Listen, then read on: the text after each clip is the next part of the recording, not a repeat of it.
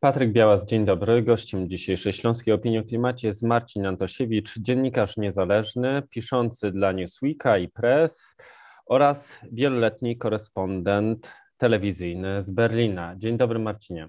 Dzień dobry, bardzo dziękuję za zaproszenie. Rozmawiamy w takim dosyć ciekawym momencie, bo z jednej strony w Niemczech kończy się pewna epoka, epoka Angeli Merkel e, jako kanclerza, no ale przed nami również bardzo, wydaje się, ciekawe wybory. Ale nie będziemy tutaj rozmawiać o pomysłach na gospodarkę, choć mam nadzieję, że również o gospodarkę i społeczeństwo zahaczymy. Natomiast chciałem zapytać Ciebie, Marcinie, bo od wielu lat obserwow- obserwowałeś i obserwujesz to, co się dzieje w niemieckiej polityce. Jak wyglądała, czy jak wygląda jeszcze obecna polityka klimatyczna e, w Niemczech? Czy te partie głównego nurtu są zgodne i w jaki sposób tę politykę klimatyczną wykuwało się za czasów Angeli Merkel? No wiemy, że tak naprawdę polityka klimatyczna Angeli Merkel, no to głównie będzie nam się chyba kojarzyła od e, tego przewrotu Fukushimy, jak często się mówi w Niemczech, czyli e, po tym, kiedy doszło do katastrofy w elektrowni atomowej Fukushima e, w Japonii w 2011 roku, to Angela Merkel, która kilka miesięcy wcześniej przedłużyła funkcjonowanie niemieckich reaktorów jądrowych, wystąpiła w Bundestagu i powiedziała, musimy pozamykać wszystkie elektrownie atomowe i wtedy przedstawiła taki rządowy program kilkanaście dni po tym, Energiewende, czyli zmiany klimatycznej, która ma wiele punktów, ale jej najważniejszym przez wyjście z węgla właśnie po Fukushimie z energetyki do 2023 roku, e, czyli kilka, za kilkanaście miesięcy zostanie wyłączony ostatni reaktor e, atomowy. I myślę, że z tym właśnie będziemy głównie kojarzyć Angela Merkel, a jeżeli chodzi o przyszły rząd, no to tutaj wszystko zależy od koalicji, e, jaka powstanie. Przed wyborami rozmawiamy, możliwych jest pięć bloków wyborczych. W związku z tym tak naprawdę od tego, kto będzie kanclerzem i kto będzie w tej koalicji, będzie zależało to, jaka e, polityka klimatyczna będzie prowadzona w Niemczech. Jedno trzeba powiedzieć, że mm, i, i, i ja lubię jako politolog też takie e, twarde patrzenie na politykę, to nie zawsze się uda zrobić, ale na przykład ile razy w programach wyborczych tych najważniejszych partii pada słowo klimat i to koledzy z Der Tagesspiegel policzyli i okazało się, że porównując wszystkie programy partii politycznych do ostatniej kampanii wyborczej, czyli do roku 2017, to w, w każdym tym programie wyborczym ponad dwukrotnie pojawia się y, słowo klimat niż to było w roku 2017. Najwięcej, co ciekawe, jak myślisz, w której partii e, jest y, y, różnica do 2017 roku, jeżeli chodzi o użycie tego słowa klimat? Ja myślę, że w programie partii Zielonych. Nie, dlatego że Zieloni byli w tych sprawach dość progresywni. Najwięcej się zmieniło, jeżeli chodzi o e, program konserwatystów, CDU, CSU, bo tam słowo klimat pojawia się aż czterokrotnie mm, e, więcej, mm, u Zielonych też dwukrotnie więcej. Także to widać, że tak naprawdę ten temat jest coraz bardziej ważniejszy. W liczbach bezwzględnych, to tylko szybko powiem dla tych, którzy lubią statystykę, w U Zielonych e, w roku 2017 w programie wyborczym słowo klimat pojawiło się 141 razy, dzisiaj 278 razy. W, na lewicy postkomunistycznej Die Linke 2017 rok 57 razy, teraz 202 E, razy słowo klimat się pojawia. HDC, CSU, CDU 2017 rok 21 razy, teraz 91 razy. SPD 34 razy 2017, teraz 67 razy. Liberałowie FDP 2017 28 e, i dzisiaj 58 razy. Mam nadzieję, że jeszcze do tego czasu nikt nie wyłączył, bo nikt nie lubi liczb, ale to pokazuje, jak ważna jest ta debata klimatyczna w Niemczech i że wszyscy się zmienili. Nie jest tylko tak, że dzisiaj, chociaż oczywiście najlepszy program klimatyczny mają zieloni i to jest e, stwierdzone e, przez wiele ośrodków neutralnych, e, naukowych, że tak jest, ale także oni wcale nie mają programu, który zapewni realizację wszystkich celów z porozumienia klimatycznego, które zakłada, że do 2030 roku zostaną, zostanie obniżona emisja gazów cieplarnianych o 65% w stosunku do 1990 roku i że te 1,5%, czyli ocieplenia klimatu względem czasów przedindustrialnych zostanie osiągniętych, bo niemiecki Instytut Badań nad Gospodarką, czyli Deutsches Institut für Wirtschaftsforschung, DIW, stwierdził, że żaden program wyborczy tego nie gwarantuje, w tym program wyborczy Zielonych, że te cele są zbyt mało ambitne.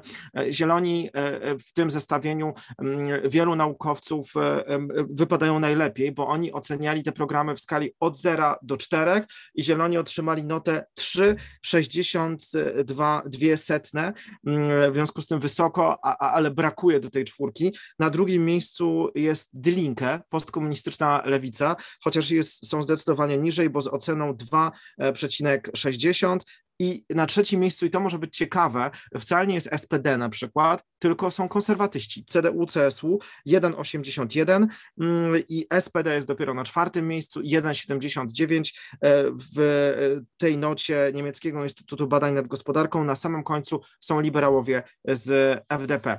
E, jeszcze tylko, jeżeli chodzi o, o, o, takie, o, tą, o tą trójkę najważniejszych kandydatów na kanclerza, bo teraz mamy kandydatkę Zielonych, Annalena Baerbock, Olafa Scholza z SPD i Armina Laszeta z CDU, CSU, to tutaj jeżeli chodzi o węgiel, no bo to jest taki, takie wymierne, kiedy tutaj kandydaci mówią, trzeba wyjść z węgla, najbardziej ambitny program ma Annalena Baerbock Zielonych, bo ona mówi, że trzeba przyspieszyć wyjście z węgla.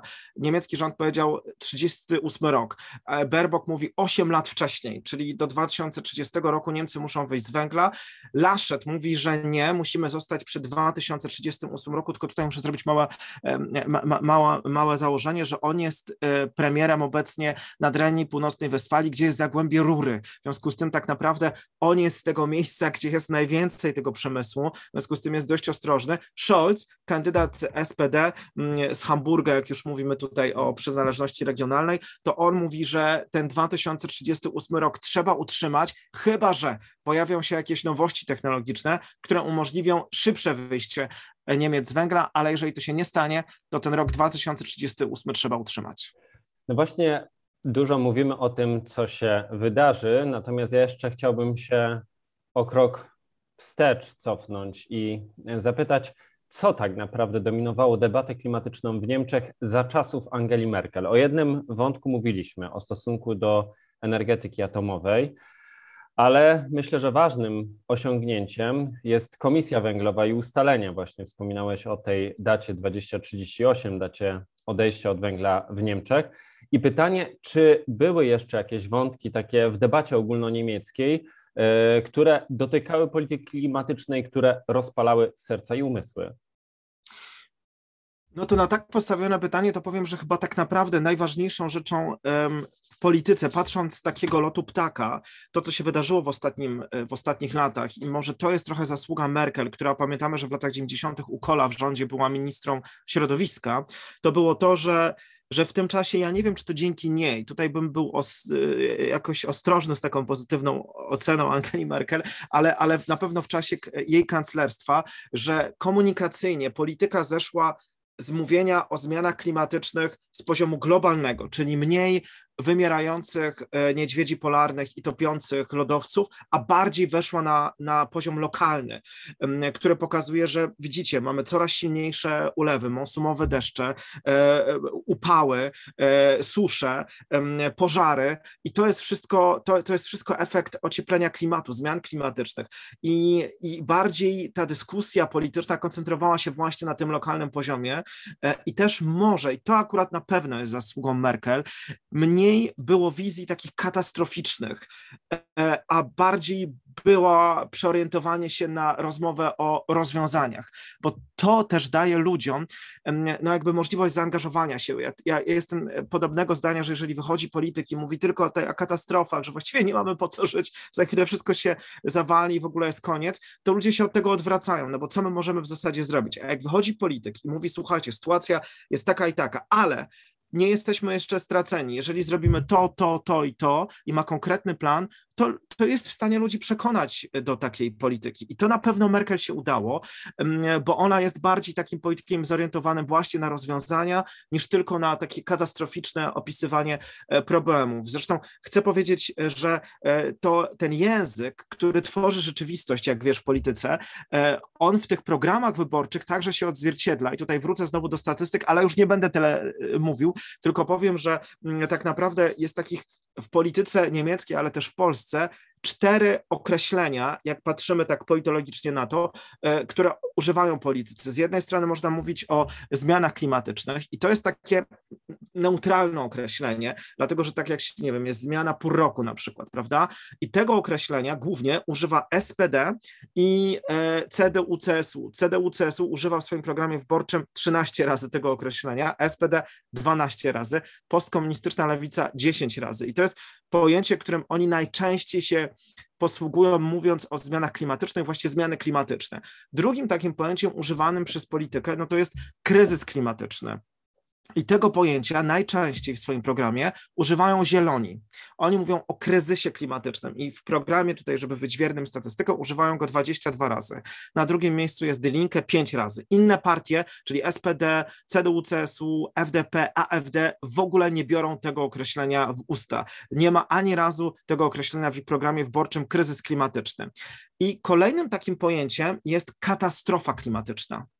I to określenie w ogóle nie pojawia się w SPD i w HDC, czyli CSU, C, e, e, CDU, ani w ogóle u liberałów. Pojawia się tylko raz u zielonych kryzys komunistycznej lewicy, Dylinkę. Oni aż dziewięć razy używają tego określenia katastrofa klimatyczna. No jeszcze jest takie określenie, które e, o ociepleniu ziemi mówi, prawda? E, I to jest określenie, którego zieloni używają tylko raz w swoim programie wyborczym, a Dylinkę czterokrotnie, aż inni w ogóle tego nie używają. Czyli jeszcze raz, bo tak dużo było tych określeń. Są główne cztery.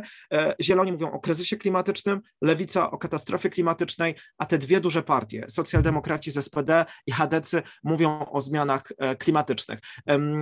Ale tak jak powiedziałem, ta katastrofa jest w mniejszości dzisiaj programach wyborczych. Raczej Niemcy, jak to też Niemcy, chcą się skoncentrować na tym, co jest częścią rozwiązania, niż co jest częścią problemu. A gdybyś nam przypomniał znowu historycznie, jak wyglądała debata wokół odejścia od węgla, bo to też nie było tak, że siadło kilku starszych panów i w przeciągu pięciu minut wymyśliło, że akurat 2038 rok to był pewien proces, w którym dochodzili do tej decyzji. Tak, to był bardzo długi, długi proces, dlatego że e, no, węgiel czy też w ogóle paliwa kopalne e, e, są częścią gospodarki od 200 lat. Niemcy to jest czwarta gospodarka świata i oni są głównie, to jest przemysł, inaczej niż na przykład gospodarka brytyjska, których są usługi, głównie finansowe i inne, ale Niemcy produkują maszyny, auta, wszyscy o tym wiemy. W związku z tym dla nich to była bardzo bolesna dyskusja i ona wciąż trwa, bo ona nie jest zamknięta.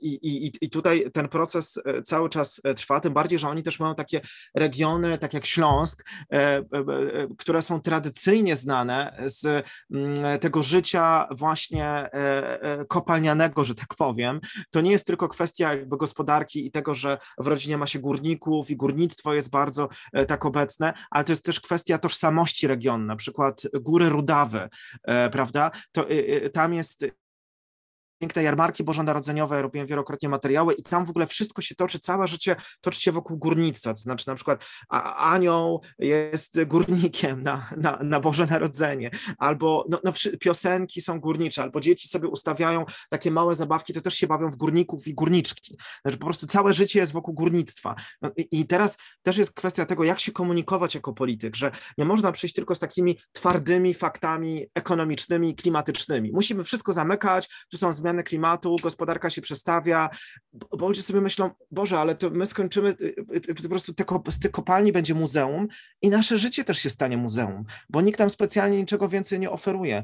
E, I, i, i to zresztą jest problem nie do końca rozwiązany w Niemczech, dlatego też na przykład właśnie tam Góry Rudawe, Saksonia, no tam jest największe poparcie dla AfD, która kompletnie E, e, uważa, że oczywiście oni mówią, że zmiany klimatyczne są, ale że zawsze były, że właściwie nic nie trzeba robić, bo tak po prostu świat zawsze wyglądał. E, czyli takie, takie stanowisko prawicowych populistów, które jest dość powszechne, też typowe na przykład dla prezydenta byłego Trumpa, prawda? I tam AfD ma największe poparcie, chociaż to oczywiście mówimy, to jest o 30% poparcia. I też jako dziennikarz zawsze się koncentruję, a to AfD wygrywa, jest takie duże, ale też trzeba powiedzieć, że 70% tej populacji ma inne poglądy. Natomiast tam to poparcie właśnie dla prawicowych populistów populistów jest e, największe. Ta dyskusja trwa, to zagłębie rury, o którym powiedziałem, zresztą też bardzo polskie, dlatego że tam w tym zagłębiu rury 25% dzisiaj e, nazwisk brzmi polskojęzycznie e, i, i tam też przecież Polacy jeździli, jeszcze też jak byliśmy pod zaborami, to, to jest ta duża emigracja koniec lat, koniec XIX wieku, początek XX wieku i, i to jest właśnie ten, ten region Laszeta, gdzie on jest premierem, dlatego on jest dość ostrożny, chociaż wszyscy mniej więcej wiemy, że chociaż on jest bardzo przyjazny przyjazny gospodarce, to on w tych sprawach klimatycznych jest dość progresywny w swojej partii. W związku z tym, ale stoi na czele e, e, tego landu i stoi na czele konserwatystów, w związku z tym jest dość e, tutaj w tych sprawach konserwatywna, ale jeszcze tylko jedna rzecz, też patrząc w przyszłość, bo ja zawsze tak tutaj jak się koncentruję, to my w Polsce lubimy zawsze mówić o przyszłości, a Niemcy zawsze patrzą na przyszłość i jeżeli chodzi o miks energetyczny, bo też chcę tutaj powiedzieć, bo e, e, politycy używają wielu słów, ale na końcu trzeba zobaczyć, co oni faktycznie chcą zrobić. I miks energetyczny w programach partii, też dokładnie tutaj sprawdziłem, mam różne statystyki, jest dość, dość konkretnie opisany. I, i, i, i jestem ciekawy, czy wiesz, do zielonych to wiemy, że oni są na samym przedzie, jeżeli chodzi, żeby ten miks był jak najbardziej różny zielonym, a zieloni mają tak, 25%, ter, to jest na następną e, kadencję, czyli 21-25, dlatego tutaj jeszcze jest węgiel, prawda, bo nawet zieloni mówią, że z węgla 30 rok, czyli oni też do 2025 wiadomo, że jest ten węgiel.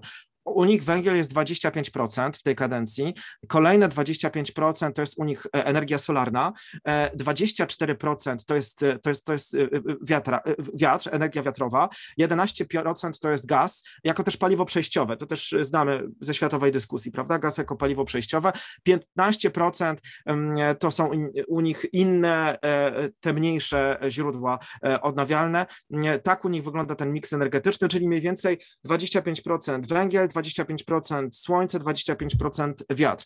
E, jak myślisz, kto ma podobny miks energetyczny w programie wyborczym? No myślę, że Die Linke. Właśnie nie. Die Linke to akurat jest bardzo podobne z, z, polskim krajobrazem wyborczym. E, są tacy nie wiem, czy ekstremalnie tak się przyjęło mówić, no ale powiedzmy radykalna lewica, dla nich węgiel to jest super ważna sprawa, 51% w Dylinkę, węgiel cały czas. E, liberałowie, to jest zaskoczeniem, ale dlatego też jak się mówi o tych różnych konstelacjach wyborczych, w Niemczech to, jest, to się wszystko nazywa, nazywa od flag e, krajów, na przykład Jamajka, bo tam jest czarny, zielony i właśnie żółty, czyli kolor liberałów. E, później jest na przykład koalicja świateł drogowych, czyli e, zielony, czerwony i żółty, czyli też tutaj jest zieloni, socjaldemokraci z SPD i, e, i liberałowie z FDP. Później jest na przykład Kenia, to jest koalicja, gdzie jest czarno, czerwona, żółta, czyli CDU, CSU, SPD i liberałowie. Jeszcze są na przykład jest czerwono, czerwono-zielona koalicja, jest bardzo wiele wiele takich tutaj, pięć modeli teraz jest e, możliwych, ale e, co chcę powiedzieć, że właśnie e, najbliżej też jak, jak wszyscy mówią, a ci zieloni z tymi liberałami, to oni kulturowo są dalecy, jak się patrzy na przynajmniej miks energetyczny, który jest na końcu, sam powiedz, no, najważniejszą sprawą, bo tutaj sam można robić, opowiadać różne rzeczy, ale na koniec się patrzy, skąd bierzemy tę energię, to liberałowie i zieloni są dość blisko. I też wydaje mi się, że jak przyjdzie później co do konkretnych negocjacji, dlatego oni nie są aż tak naprzeciwko siebie, to oni się najszybciej dogadają. Bo Dylinkę właśnie, chociaż ma w innych sprawach, jest bardzo blisko, ale w miksie energetycznym oni cały czas są za węglem. E, dlatego, że po prostu no tam związkowcy, e, e to tak jak u nas po prostu, to są ludzie z przemysłu górniczego i Dylinkę ma dużo węgla. Dość podobny miks energetyczny, dużo bardziej do zielonych, e, ma mają Hadecy, CSU-CDU niż SPD, dlatego że w Hadecji 35% to jest węgiel, u Zielonych 25%, ale na przykład, co jest ciekawe, w Hadecji więcej jest fotowoltaiki, bo aż 29% niż u Zielonych, bo u Zielonych 25%. Później Hadecy mają dokładnie taki sam poziom wiatru, bo u nich 24%, co u Zielonych.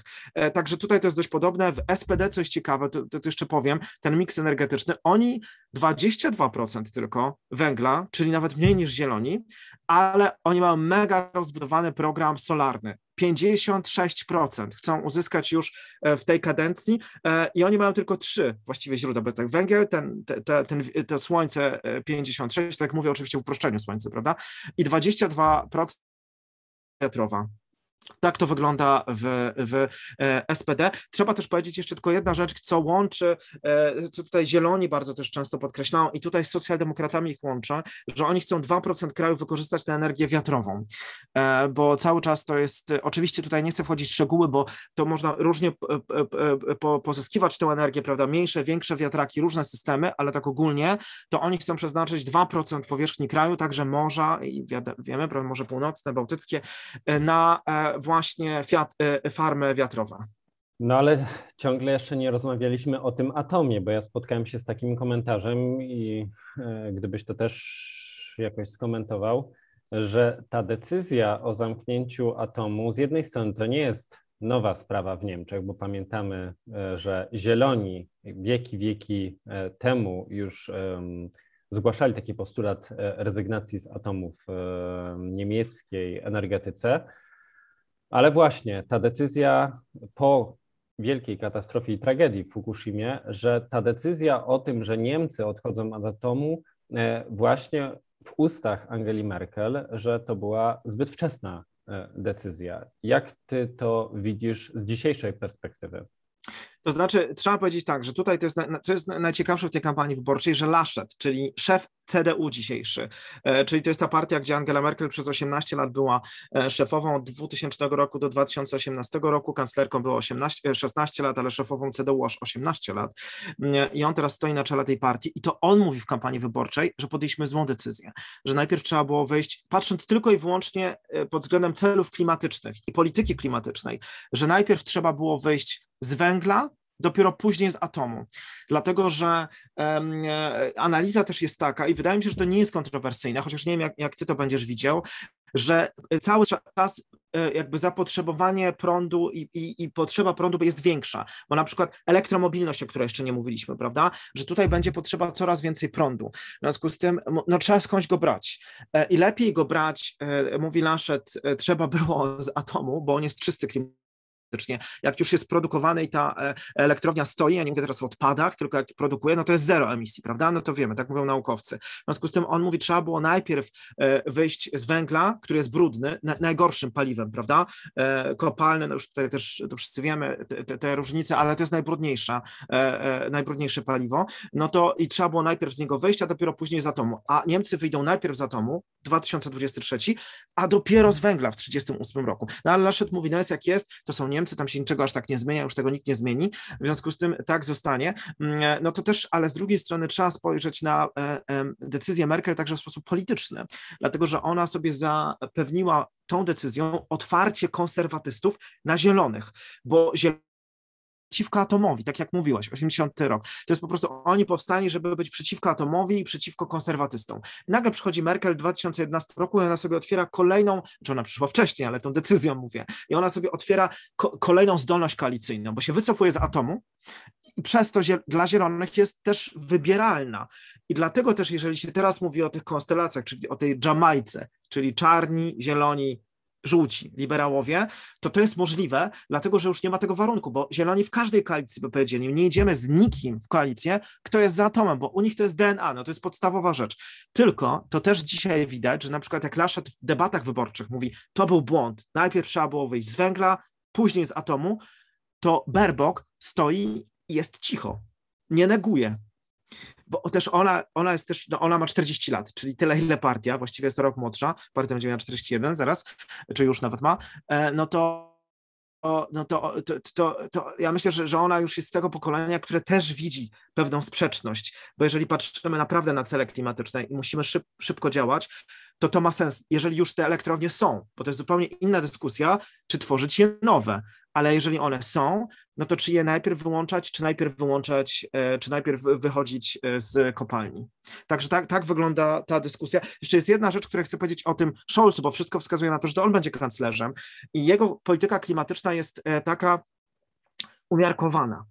E, to znaczy on ciągle, on, on właściwie puszcza też oko, że najlepiej cele klimatyczne jest osiągnąć poprzez innowacje i że możemy jeszcze na tym zarobić, mówi. Jeżeli po prostu postawimy na siłę i umiejętności niemieckich inżynierów i na niemiecki przemysł, to po prostu najszybciej będzie, jeżeli postawimy na innowacyjne rozwiązania, które najszybciej nas popchną właśnie, że tak powiem, spowodują, że najszybciej zrealizujemy nasze cele klimatyczne. I to jest polityka Scholza, no bo też on jest z partii pracy de facto, prawda? Socjaldemokraci. E, I on, on też się boi odciągnąć od siebie e, po prostu e, pracowników fizycznych.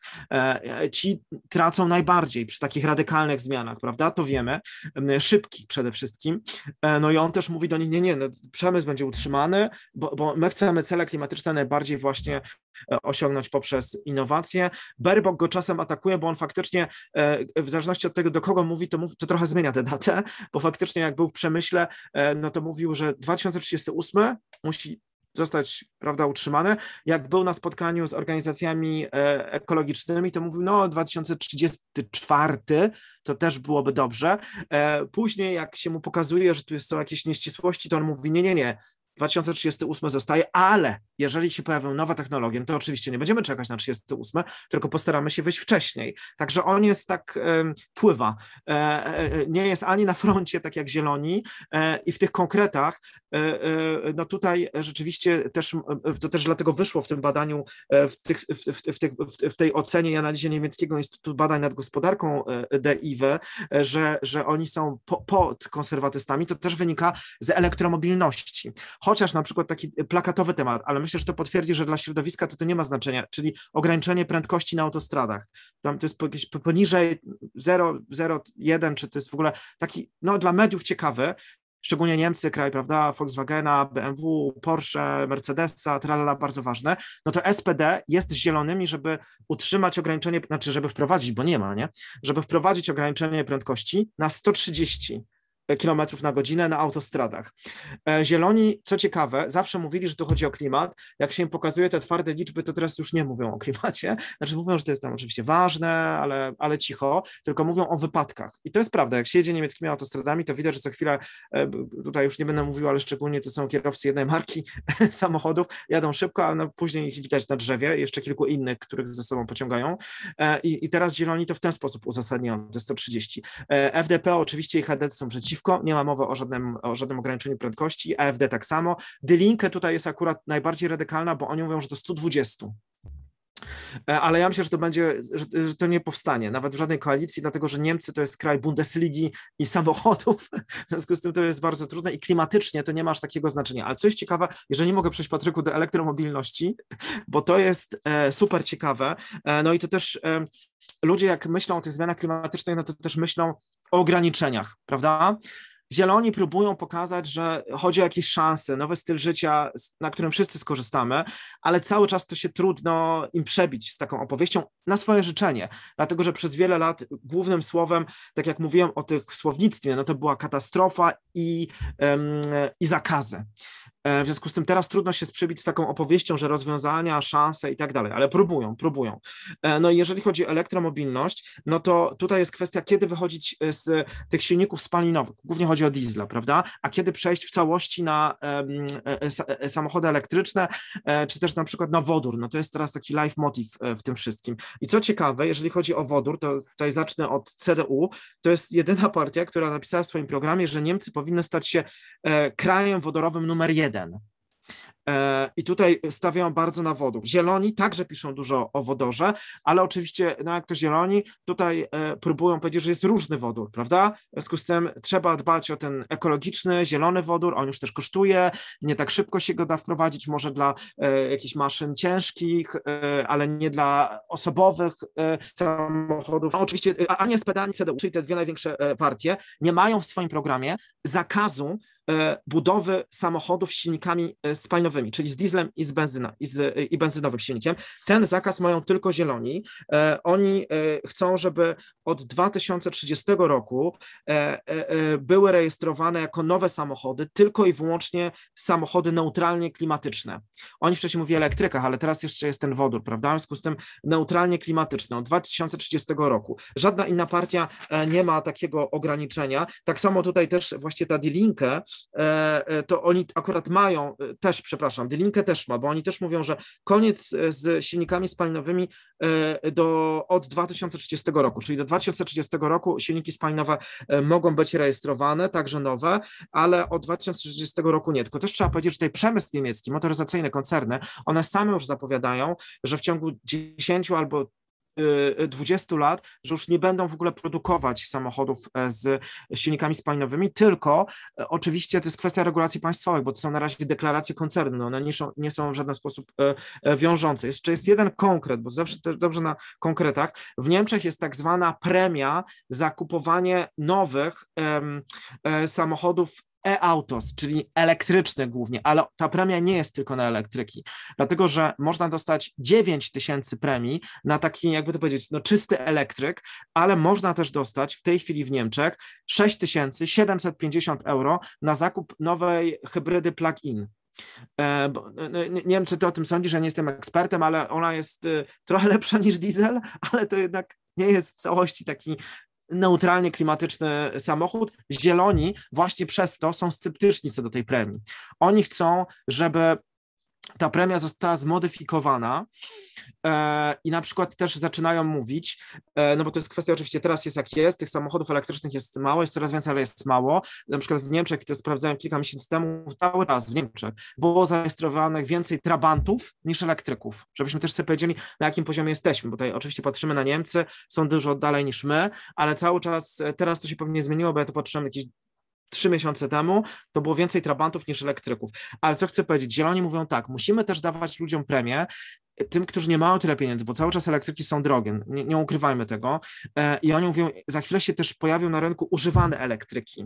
Dlatego premiujmy też ludzi, którzy chcą kupić używanego elektryka. To lepiej niż e, kupują właśnie e, tą e, hybrydą, chociaż oni są dość sceptyczni, znaczy nie, że nie popierają, ale są sceptyczni, jeżeli chodzi o premiowanie tych plug-in hybryd.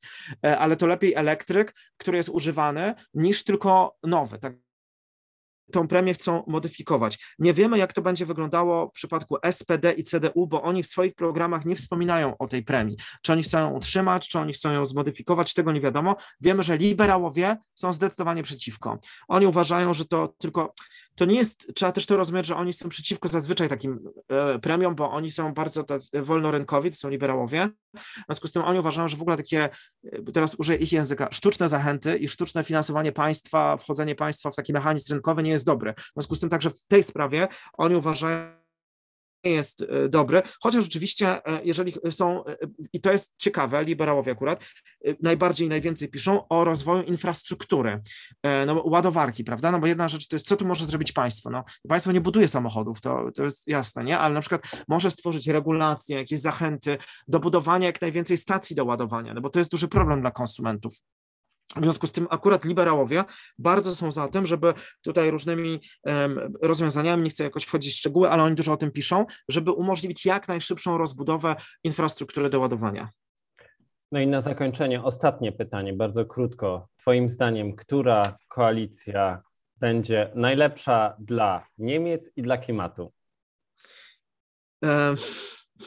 nie wiem, ale ale to dlatego, nie, że nie chcę u, u, jakoś uciec od tego pytania albo nie chcę zaryzykować, bo później się okaże, że nie będę miał racji, tylko w Niemczech, przez to, że to jest, no wszyscy wiemy, to jest, to jest no Niemcy są ukształtowane e, wobec tego, co się wydarzyło w czasie II wojny światowej, prawda? E, w związku z tym oni są bardzo ostrożni, bardzo są ostrożni w kampaniach wyborczych też, i to dla dziennikarzy nie jest takie dobre, jeżeli chodzi o populizm. I oni nie przedstawiają wcale najodważniejszych rozwiązań w kampanii wyborczej. W Niemczech najważniejsze decyzje zapadają pomiędzy wyborami. I tak było na przykład z tą Energiewende, zmianą klimatyczną. Przecież to był 2011 rok. Wcześniej były wybory w 2009 roku, a później w 2013. W środku kampanii Merkel podjęła tę decyzję, bo ona jest kontrowersyjna, trudna. E, w Niemczech się nie podejmuje, w ogóle nie mówi się o takich wizjach w czasie kampanii wyborczej, bo się boją zbyt dużego rozchwiania. Dlatego tak naprawdę, plus też oczywiście w Niemczech jest to, co jest wszędzie akurat, że, że od niespodziewanych koalicji y, nagle okazuje się, że to oni są też jakby najodważniejsi w różnych rozwiązaniach. Nikt na przykład nie spodziewał się od poprzedniej, e, znaczy mówię poprzedniej, bo tutaj to jest takie y, y, wyobrażanie zielonych i socjaldemokratów, że teraz chcą stworzyć znowu koalicję, ale oni rządzili po raz pierwszy razem 98, 2005, to był rząd Schroedera i Joszki Fischera i nikt się nie spodziewał, że tutaj to są no lewicowe rządy, co dużo mówić, wtedy zieloni byli jeszcze bardziej lewicowi niż teraz, bo oni się stali bardzo konserwatywni w międzyczasie e, e, i, i wtedy był bardzo lewicowy rząd i nagle zrobili najbardziej liberalną reformę rynku pracy wtedy w Europie. To jest ta agenda 2010. W związku z tym wydaje się, że najbardziej takim w cudzysłowie progresywnym rządem, który z kolei politycznie jest może mniej możliwy, ale arytmetycznie pewnie będzie możliwy, to byłby rząd czerwono-czerwono, e, czyli gdzie jest SPD, Zieloni i Die Linke, bo tak na to wskazują programy wyborcze. Ale może okaże się, że jeżeli powstanie Jamajka, to konserwatyści, którzy w tych różnych tutaj statystykach i badaniach też dobrze wy, wy, wy, wychodzą, ale w świadomości publicznej wcale nie mają takiego wizerunku, będą chcieli pokazać się, że, bo oni też mają inny problem wyborczy, konserwatyści, że konserwatystom najwięcej głosów wcale nie zabierają zieloni czy inne partie, tylko śmierć. Po prostu ich grupa wyborców to są najstarsi ludzie. I widać, że z wyborów na wybory oni mają coraz mniej wyborców, bo oni umierają po prostu. W związku z tym oni się muszą też otworzyć na młodych. W związku z tym może jakby oni byli w rządzie, to nagle będą chcieli pokazać, że mają inny wizerunek i oni dokonają jakiejś dużej reformy w tej sprawie i będą mieli ambitne cele. Trudno to powiedzieć właśnie z tego względu. Najbardziej prawdopodobnym w tej chwili rządem, według e, sondaży, ale też politycznej dynamiki, to jest koalicja świateł drogowych, czyli Scholz jako kanclerz z SPD, Zieloni i, e, I co tam jest jeszcze w środku świateł drogowych? Żółty jest, czyli liberałowie. No i wydaje się, i też jak się właśnie patrzy na ten miks energetyczny, to szybko się dogadają ci liberałowie z zielonymi, chociaż oczywiście tam będą sformułowani, są tacy zawsze w politycznie, no to mają te bomoty, prawda, jedni na drugich tam, no bo tak od 40 lat tam się muszą okładać, to się okładają, ale na, konkrecie, na konkretnie to wygląda najbardziej podobnie, no ale oczywiście będzie ten cały teatr, bo musi być, to jest polityka, w związku z tym, ale wydaje się, że tutaj by się szybko dogadali i to jest coś konkretnego ten miks energetyczny. W związku z tym, jak się też szybko dogadają, to zaczną to szybko realizować, no bo z jednej strony, to tak jest w polityce, ty wiesz najlepiej, można tam sobie różne rzeczy opowiadać i przyjmować, no ale chodzi o wdrożenie tego w życie, no po prostu i tutaj to jest też kwestia, ci liberałowie moim zdaniem w koalicji byliby bardzo dobrzy z tego względu, że oni mają najlepszy przepływ komunikacyjny z biznesem. I dzisiaj państwo tworzy, może sobie tam wymyślać, co tam chce, ale musi też znaleźć dobrą drogę komunikacyjną z biznesem, żeby, żeby firmy chciały się na to przystawiać, tworzyć produkty, e, w ogóle środowisko takie przyjazne e, środowisku naturalnemu i neutralne klimatycznie. Dlatego może ta, ta koalicja tych świateł drogowych byłaby no, tutaj najbardziej odważna, jeżeli chodzi o realizację celów klimatycznych. Bardzo dziękuję za dzisiejszą rozmowę. Gościem dzisiejszej Śląskiej Opinii o Klimacie był Marcin Antosiewicz, niezależny dziennikarz. Mam nadzieję, że to nie nasza ostatnia rozmowa i niedługo usłyszymy się wkrótce. Dziękuję bardzo. Bardzo dziękuję. Wszystkiego dobrego i pozdrowienia do Katowic.